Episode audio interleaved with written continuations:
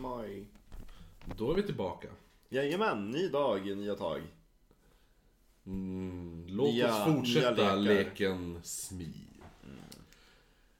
Den här gången var jag Smi. Violet Sangston hittade mig när jag letade efter ett gömställe. Det spelet varade inte länge. Snart var det 12 personer och spelet var slut. Violet kändes lite kall och ville ha sin jacka. Hennes man gick upp till sovrummet för att hämta den. Så snart som han var borta eh, rörde Reggie mig på armen. Han såg blek och sjuk ut.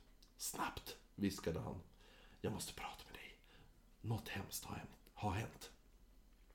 Vi gick in till fru- frukostrummet. Ew. Vad är det? frågade jag. Jag vet inte. Du var Smi förra gången, eller hur? Ja. jag visste naturligtvis inte vem, Svi, vem Smi var. Men medan mamma och de andra sprang till västra sidan av huset och hittade dig, gick jag österut. Det fanns ett djupt klädskåp mitt i, so eh, i mitt sovrum. Det såg ut som ett bra gömställe. Jag tänkte att Smi kanske skulle vara där. Jag öppnade dörren till mör- eh, i mörkret och jag rörde vid någons hand. Smi? viskade jag. Det kom inget svar. Jag tänkte, jag har hittat Smi. Ja, jag, jag förstår inte, men plötsligt fick jag en konstig och en kall känsla. Jag kan inte beskriva det, men jag kände att det var någonting som var fel. Så jag slog på min ficklampa och det fanns ingen där. Men jag är säker på att jag rörde en hand. Och ingen kunde komma ut ur klädskåpet för jag stod ju vid dörröppningen. Mm, vad tror du? Du inbillade dig förmodligen. Du inbillade dig att du rörde en hand, sa jag. Han skrattade kort. Ha, jag visste att du skulle säga det, sa han. Naturligtvis föreställer jag mig det hela. Eh, det måste ju vara den enda förklaringen, eller hur? Jag höll med och... Jag gillar att han bara, det har hänt något allvarligt! Ja, exakt. Någon har dött! Nej. Ja, men jag förstod att du skulle reagera så. Hello! Jag höll med honom, jag kunde, jag kunde se... Jag tyckte också att han var korkad. Jag kunde se att han fortfarande kände sig lite skakad. Tillsammans kom vi tillbaka till vardagsrummet för en ny, Kändes lite korkad. för en ny smi-omgång. Det andra, var allt, eh, det andra var alla redo och väntade på att börja om igen. Kanske var det min fantasi, även om jag nästan är säker på att det här inte var min fantasi. Men jag hade en känsla av att ingen gillade spelet längre. Men alla var alltför artiga för att nämna det. Ja. Let's do it again! Samtidigt kände jag att det är någonting som är fel.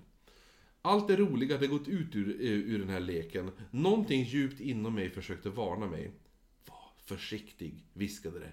Var försiktig. Det var någonting onaturligt, nästan farligt på gång i det här huset.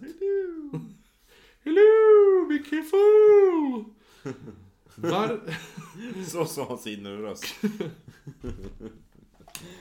Varför har jag den här känslan? Eftersom Jack Sangston hade räknat till 13 personer istället för 12.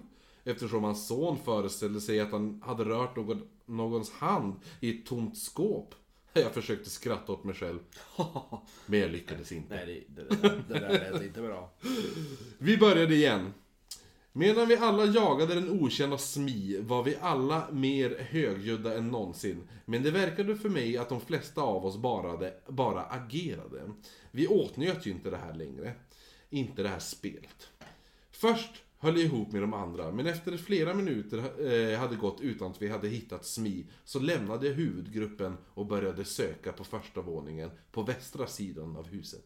Och där, medan jag famlade i mörkret, så stötte jag in i ett par knän. Alltså, ni, han gick runt och kröp på golvet då. Jag, bara, jag tog på kn- knät och handen gled in på Under insidan av låret. Tänk att eller att det är någon som har hängt sig ifrån taket. Då får man ju ett par knän i ansiktshöjd.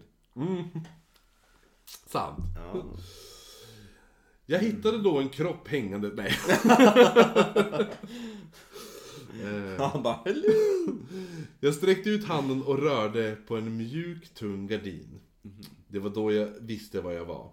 Det fanns höga, djupa fönster med fönsterpaneler i slutet av passagen.